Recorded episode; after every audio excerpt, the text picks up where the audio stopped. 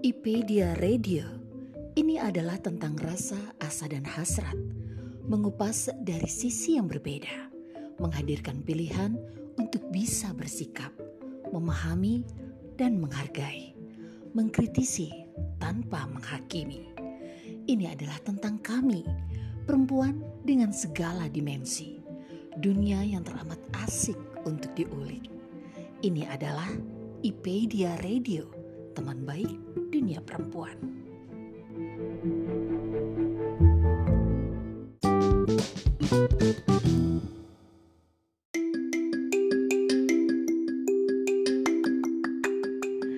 Hai, halo teman baik IPedia Radio, apa kabar? Saya Ida Laras dan kita kembali bertemu di segmen Kata Hati Sebuah segmen obrolan ringan seputar dunia perempuan sekitar 30 menitan Dan itu akan membahas tentang apa aja Kali ini ada yang spesial. Di edisi yang ke-10 segmen Kata Hati Saya akan menghadirkan tidak hanya satu orang saja teman ngobrol Tapi ada beberapa teman perempuan akan bergabung bersama kita di segmen Kata Hati ini di edisi yang ke-10 Untuk menceritakan kisah mereka terkait dengan topik kita kali ini apa sih topik kali ini sehingga menjadi lebih spesial atau dibikin berbeda dari biasanya? Saya merasa topik ini kayaknya lebih seru aja sih kalau tidak hanya satu orang diajak ngobrol, tapi banyak orang yang bisa mengkisahkan, mengisahkan, menceritakan tentang apa yang mereka alami sehubungan dengan topik ini. Tentang apa sih? Tentang mom shaming. Pernah dengar dong? Pasti, ya kan? Karena kita kayaknya familiar banget ya dengan kata-kata seperti bisa ya si ibu itu pergi. Emang anaknya siapa yang ngurusin? Pembantu ya? Ada di rumah Emang bisa gitu pergi-pergi tanpa anak? Gak kepikiran anaknya gimana-gimana? Hmm, atau nih sering juga nih kita dengar kayak gini. Eh, kok anaknya minum sulfur? Emang nggak pakai ASI? ASI itu lebih murah loh, lebih bagus lagi, lebih eksklusif, dan itu penting untuk kesehatan anak. Aduh, atau ada juga kan yang ngomong, kok belum punya anak? Udah berapa tahun nikah? Udah coba periksa ke dokter A, dokter B, atau udah coba ramuan ini, ini? Ah, aduh, come on, banyak banget kata-kata ataupun juga kita sering banget pernyataan-pernyataan kayak gitu ya denger uh, teman baik dan kayaknya menjadi sesuatu yang lumrah di berbagai tempat kita mendengar hal-hal seperti itu. Aku udah mulai gemes doh denger-denger yang kayak gitu. Kalian juga gak sih? udah mulai gemes juga nggak sih? Ya kan, contoh-contohnya tuh banyak banget lah di sekitar kita. Barangkali teman-teman juga menjadi salah satu dari korban akibat mom shaming ini. Saya termasuk orang yang mengalami mom shaming.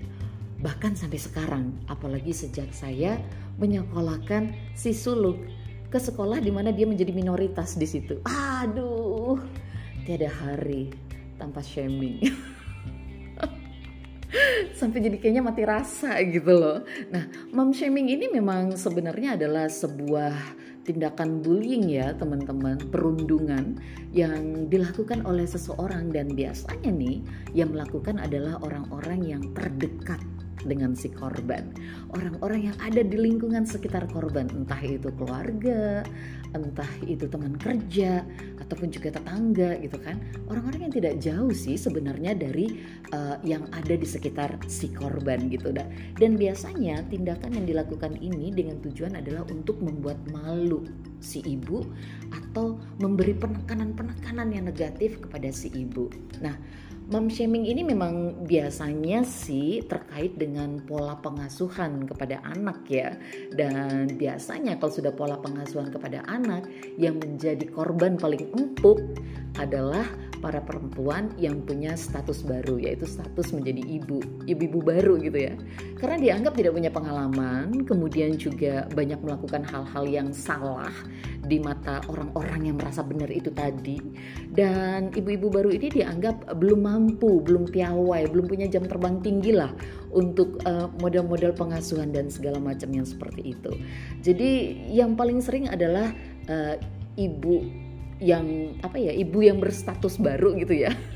Perempuan dengan status ibu yang baru plus sama perempuan-perempuan yang secara physically secara kasat mata gitu mereka uh, tampil berbeda. Entahkah itu sebagai single parents entahkah si ibu ini sebagai uh, seseorang yang bekerja di bidang yang paling banyak laki-laki bekerja di sana, sesuatu yang memang terlihat tidak normal untuk mata mereka. Jadi itu sasaran paling empuk untuk dilakukan yang namanya mom shaming. Nah, Kali ini di edisi ini ada beberapa teman perempuan yang dengan sukarela menceritakan kisah-kisah mereka mengalami mom shaming dan uh, honestly saya itu ikutan gemes dengernya gitu ya. Ikutan ngerasa oh my god ini yang melakukan apa nggak kepikiran ya?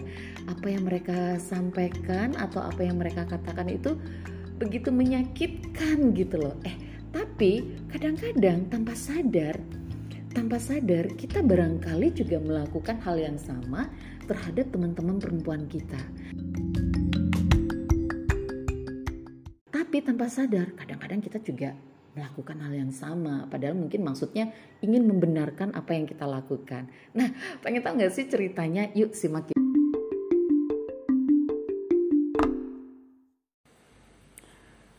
Nama saya Sari, usia 38 tahun Uh, salah satu pengalaman saya tentang mom shaming uh, mungkin tentang uh, pada saat uh, saya dan suami memutuskan untuk memberi jarak jauh antara anak pertama dengan anak kedua.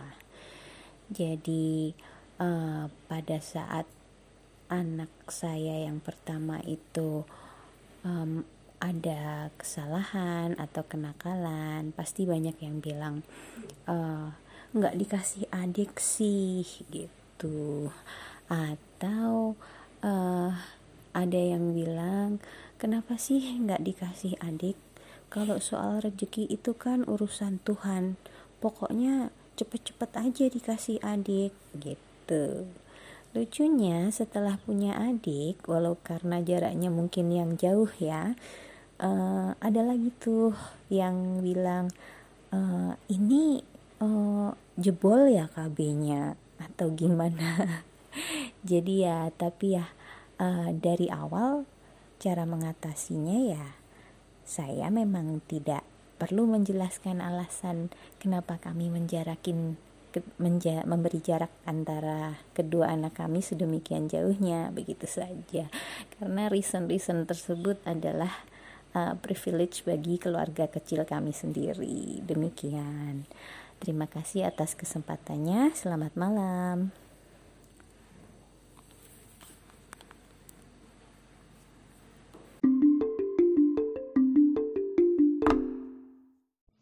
Halo, uh, Assalamualaikum warahmatullahi wabarakatuh. Perkenalkan nama saya Dian Eka. Kalau bercerita tentang mom shaming, uh, apakah saya pernah mengalaminya? uh, tentu saja pernah dan masih sangat sering saya dapatkan sampai saat ini. pertanyaan pertanyaan-pertanyaan seputar apa anak gitu. Ya, pernikahan saya sudah 14 tahun.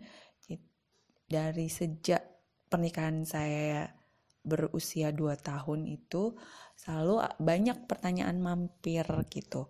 Contohnya, sudah ke mana aja? Udah periksa? Udah ke dokter A, sudah ke dokter B, sudah melakukan anu. Coba deh itu gitu. Kalau saat saya hmm, apa ya dalam kondisi psikologis yang cukup baik, cukup bugar, saya tidak uh, tidak merasa itu sebagai uh, pertanyaan yang menyudutkan gitu. Tapi ketika saya saat saya sangat dalam posisi sangat rendah gitu sangat uh, apa ya dinamika psikologisnya sangat sangat buruk gitu. Itu sungguh-sungguh uh, berat saya mendengarkan kalimat-kalimat tersebut gitu.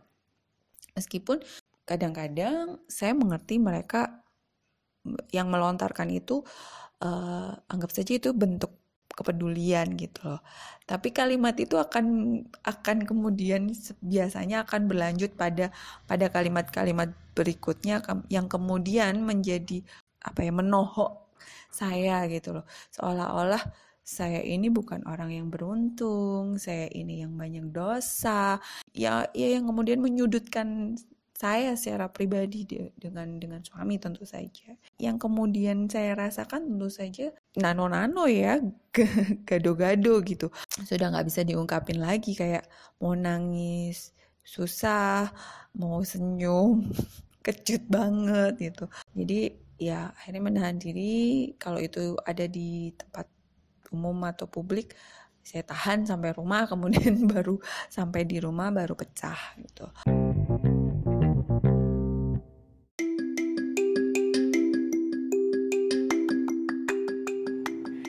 Oke, itu tadi adalah kisah dari Dian Eka dan juga Sari mengenai kejadian atau perlakuan mom shaming terhadap mereka. Perasaan ditimbulkan semua orang hampir sama lah ya. Pada saat kita mendapatkan mom shaming itu pertama kali rasanya sedih.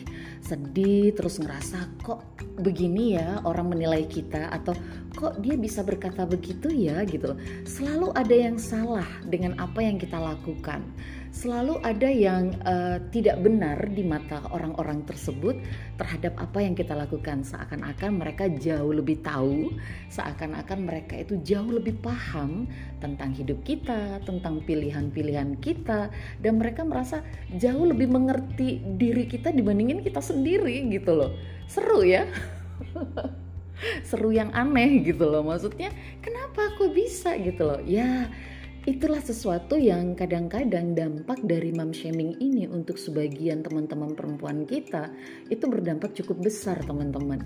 Ah, sampai berpengaruh terhadap kepercayaan diri dan juga sangat rentan loh terhadap sesuatu yang mereka yakini bahwa mereka bukan ibu yang benar atau ibu yang baik untuk anak-anak mereka. Karena yang sering sekali dijadikan uh, objek ataupun juga bahan-bahan untuk melakukan mom shaming itu adalah tindakan si ibu pada saat uh, melakukan atau berada dalam situasi tertentu dan itu di mata orang-orang tersebut menjadi salah dan tidak benar tanpa mereka mau tahu ada apa alasannya gitu. Nah, sering sekali selain kata-kata yang dikeluarkan itu sangat tajam, kadang-kadang mereka yang melakukan mom shaming ini juga nggak tahu tempat, nggak tahu kondisi, nggak tahu waktunya gitu loh. Seakan-akan apa yang mereka berikan itu adalah advice yang benar gitu loh, nasihat yang oke, okay, yang tepat untuk kita. Padahal mereka nggak tahu betapa sakitnya pada saat kita menerima perkataan itu. Seperti yang dialami oleh Rika pada saat kondisi anaknya sakit dan diceramahin tentang salah makan ya. Uh, kebanyakan sama pembantu sih. Ini sih oh my god. Kita dalam kondisi anak sakit aja udah rasanya hati gimana gimana ya teman-teman. Ditambah lagi ada uh, orang lain yang menjudge kita seakan-akan kita tuh jelek banget sebagai orang tua. Dan cerita Mira tentang uh, proses memberikan asi yang uh, apa yang sering dilihat orang bahwa kok anaknya kurus masih kurang kenyang tuh asinya kurang bagus nih asinya kurang gizi nih. Oh my god. Sering banget deh denger yang kayak gini. Yuk kita simak aja cerita dua orang teman saya ini Rika dan juga Mira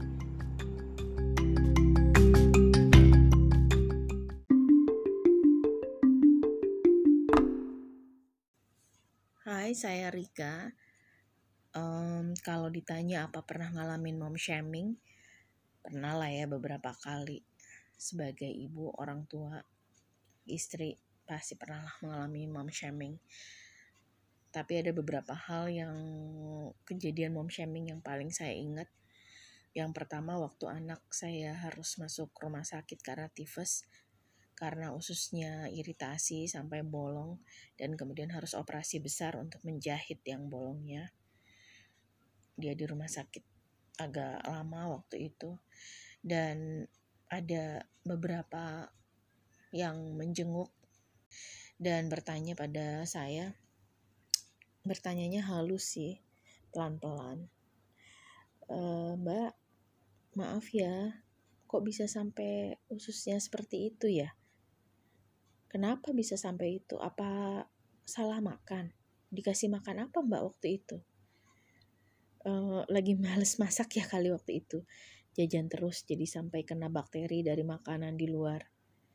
Atau lagi nggak menu makan putrinya mungkin. Lagi banyak sama mbaknya kali ya mbak. Sampai bisa kena tifus segala. Itu di saat lagi kalut ya karena anak usia tiga setengah tahun harus operasi besar masih perlu mendengar kata-kata seperti itu sakit banget sih rasanya yang kedua mom shaming yang masih saya ingat sampai sekarang ketika kami memutuskan untuk anak menjalankan homeschooling, ada yang bertanya, kenapa anaknya homeschooling? Apa ada gangguan mental? Ada masalah dengan kepribadiannya? Tidak bisa bergaul di sekolah? Ada masalah dengan IQ-nya? Kenapa harus menjalankan homeschooling? Saat itu waktu ditanya, saya tidak menjawab karena tidak ada energi waktu itu untuk berdebat. Tapi seiring waktu akhirnya saya maafkan saja dan fokus untuk mendidik anak-anak daripada mendengarkan kata-kata orang. Dan memilih untuk tidak terlalu berteman akrab dengan orang-orang yang gampang sekali melakukan shaming. Assalamualaikum, saya Mira. Saya ibu dari dua anak, Mirsa Medina Kinanti umur 11 tahun dan Moza Raniah Maeswari umur 5 tahun. Saya mau menceritakan salah satu pengalaman mom shaming yang pernah saya alami pada saat saya menyusui anak kedua saya yaitu Moza.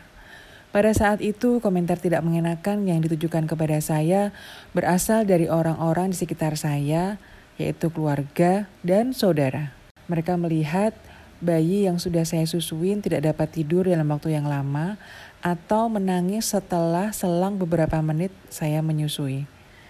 Mereka beranggapan bayinya kurang kenyang karena ASI tidak bergizi atau ASINya tidak banyak.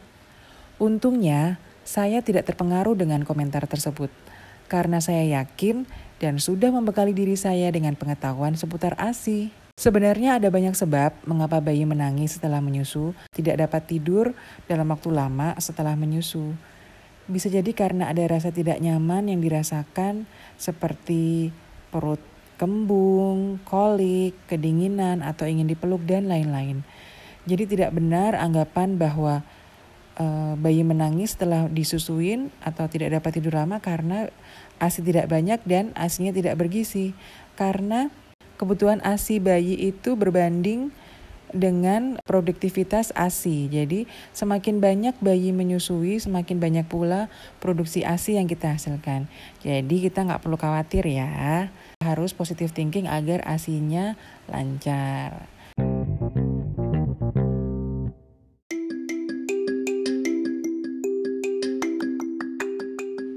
Shaming ternyata tidak selalu terkait dengan pola pengasuhan terhadap anak, tetapi banyak juga teman-teman kita di luar sana yang mengalami dan menerima mom shaming karena keputusan-keputusan yang mereka buat dalam hidup mereka.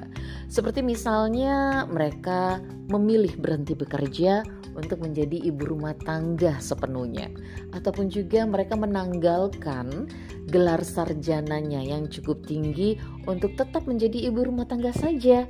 Atau nih ada juga beberapa ibu-ibu yang uh, mendedikasikan waktunya untuk berkegiatan sosial, lebih banyak menghabiskan waktunya untuk berorganisasi atau banyak juga orang-orang yang menjadi sirik dan melakukan mom shaming karena melihat banyak ibu-ibu kok bisa ya hangout dengan teman-temannya kok bisa ya masih kumpul-kumpul sama teman-temannya nah orang-orang yang seperti ini nggak pernah luput dari yang namanya mom shaming dengerin deh cerita mereka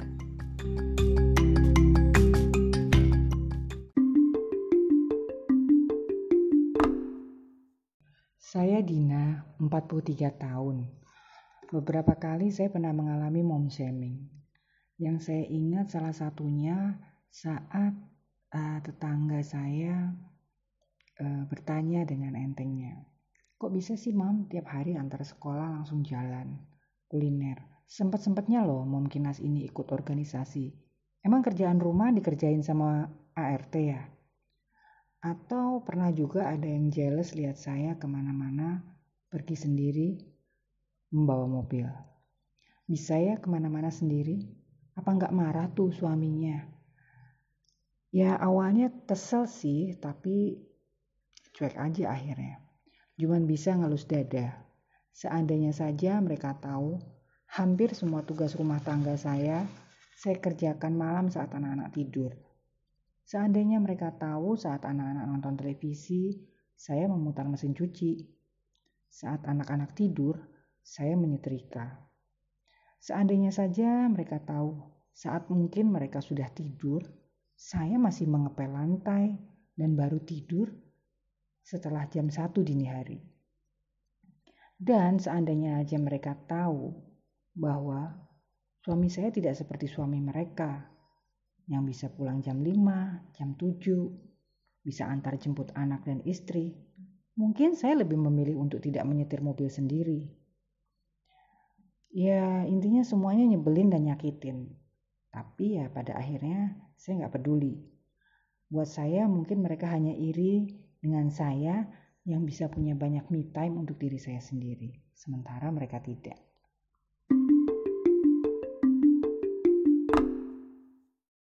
Aku Rahma.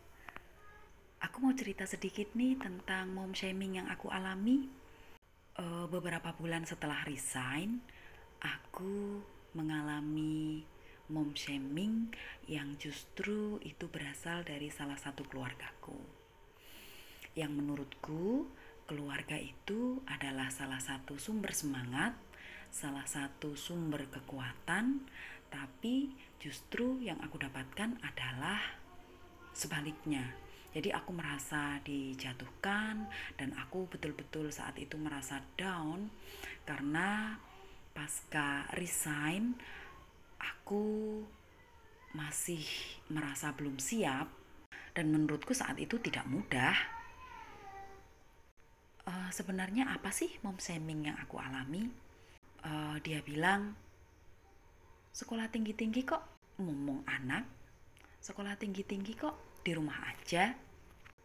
Dan reaksi saat itu yang aku lakukan adalah hanya diam dan ya disenyumin aja sebenarnya. Tapi sebenarnya nggak enak banget rasanya. Atau mungkin aku aja yang baper. Meskipun rasanya juga gak enak tapi ya tetap terima aja gitu kan. Kemudian salah satunya adalah aku curhat ke suami. Dan itu uh, sudah cukup menenangkan karena memang aku mendapatkan kekuatan dari situ Halo, perkenalkan nama aku Marita. Di sini aku mau berbagi tentang mom shaming yang pernah aku alami. Uh, kalau diingat-ingat, aku pernah mengalami banyak sih mom shaming ini. Dari yang ditanya, kapan sih punya anak? Udah nikah lama? Atau uh, setelah punya anak pertama pun kembali pertanyaan itu dihadirkan. Kapan nih punya adiknya? Kakaknya udah gede loh. Atau ketika akhirnya saya harus memberikan sufor kepada anak, ada pertanyaan lain diajukan. Kok harus pakai sufor sih? Gitu. Begitu juga ketika saya memutuskan untuk melahirkan secara sesar. Lagi-lagi ada pertanyaan banyak ditujukan kepada saya. Kok sesar sih nggak bisa jadi ibu yang sempurna loh? Dan yang paling menohok adalah ketika saya memutuskan untuk resign dari pekerjaan saya. Lalu ditanyai, kenapa sarjana kok jadi ibu rumah tangga. Itu adalah beberapa mom shaming yang uh, pernah saya alami. Dan siapa yang melakukannya? Paling banyak sih selain saudara juga ada tetangga ya. Awalnya sih jengkel, jengkel banget. Saking jengkelnya, saya justru melakukan mom shaming tanpa sengaja kepada orang-orang lain yang mungkin tidak punya kesalahan atau tidak melakukan mom shaming kepada saya.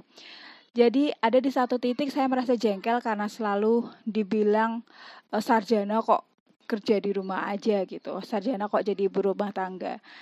Karena jengkel dan merasa insecure dengan hal tersebut, saya lalu membagikan meme-meme gitu kan tentang uh, kua apa ya tentang keutamaan wanita menjadi ibu rumah tangga dan ada di satu titik ternyata postingan tersebut menyakiti hati teman-teman saya yang saat itu memutuskan bekerja di ranah publik. Di situ saya lalu sadar, oh iya, kalau ternyata setiap perempuan itu mempunyai pilihannya masing-masing. Setiap wanita itu memiliki perjuangannya masing-masing. Tidak ada yang lebih rendah dan tidak ada yang lebih tinggi. Semua peluh dan air mata yang keluar adalah doa-doa dan harapan. Sejak saat itu, kalau saya mendapat mom shaming, saya senyumin aja. Ya, daripada dibalesin atau dikomentarin juga nanti jadi lebih panjang. Kalau orangnya bisa diajak berdebat atau diajak berdiskusi sih nggak masalah. Tapi kalau orangnya cuma ngajak debat kusir kan males banget ya. Begitu juga saya juga jadi sadar bahwa saya tidak mau lagi melakukan mom shaming terhadap eh, teman-teman atau rekan-rekan wanita saya gitu. Karena saya tahu banget dapat mom shaming itu nggak enak jadi yuk stop deh di kita jangan jadi pelaku dan kalau bisa pun juga nggak jadi korban.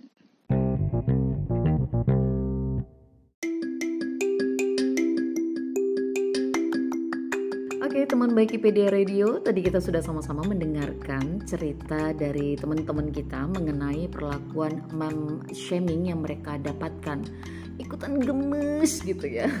Ya kita udah gemes berjamaah gitu loh dengan dengan apa yang mereka alami. Kasihan dan ikut merasakan rasa sakit rasa tertekan gitu ya. Dan mungkin juga rasa marah ya teman-teman. Dan kita berharap kita tidak melakukan mom shaming terhadap teman-teman perempuan kita. Seperti yang tadi sempat Ririt sampaikan juga Marita sampaikan bahwa kadang tanpa sengaja kita tidak berniat untuk melakukan itu, hanya berniat untuk memberitahukan ke orang lain mengenai apa yang kita pilih uh, terhadap eh, pilihan-pilihan hidup kita. Tapi di satu sisi ternyata ada pihak pihak-pihak lain yang tersakiti. Dan itu uh, berharapnya sih ya teman-teman kita mulai sekarang memikirkan dan mempertimbangkan baik-baik apa yang harus kita sampaikan, apa yang harus kita katakan terhadap teman perempuan kita. Karena uh, kalau kita tidak memahami betul kondisi mereka lebih baik kita diam daripada kita berkata dan itu menyakitkan dan saya terima kasih sekali sebelum menutup acara ini di segmen Kata Hati di edisi yang ke-10 ini. Acara ini tentunya menjadi lebih spesial ya karena kehadiran cerita teman-teman kita. Terima kasih saya ucapin buat Dian Eka, kemudian juga Marita, Dina. Terima kasih juga untuk Rika, Sari, Mira, dan juga Rahma. Cerita-cerita kalian begitu membuat episode ini menjadi lebih spesial. Terima kasih sekali untuk sharingnya dan Baik, teman-teman, saya sampai di sini dulu. Kita ketemu lagi di episode-episode selanjutnya ya. Bye. Terima kasih telah mendengarkan episode kali ini. Tetap stay tune di IPedia Radio, teman baik dunia perempuan.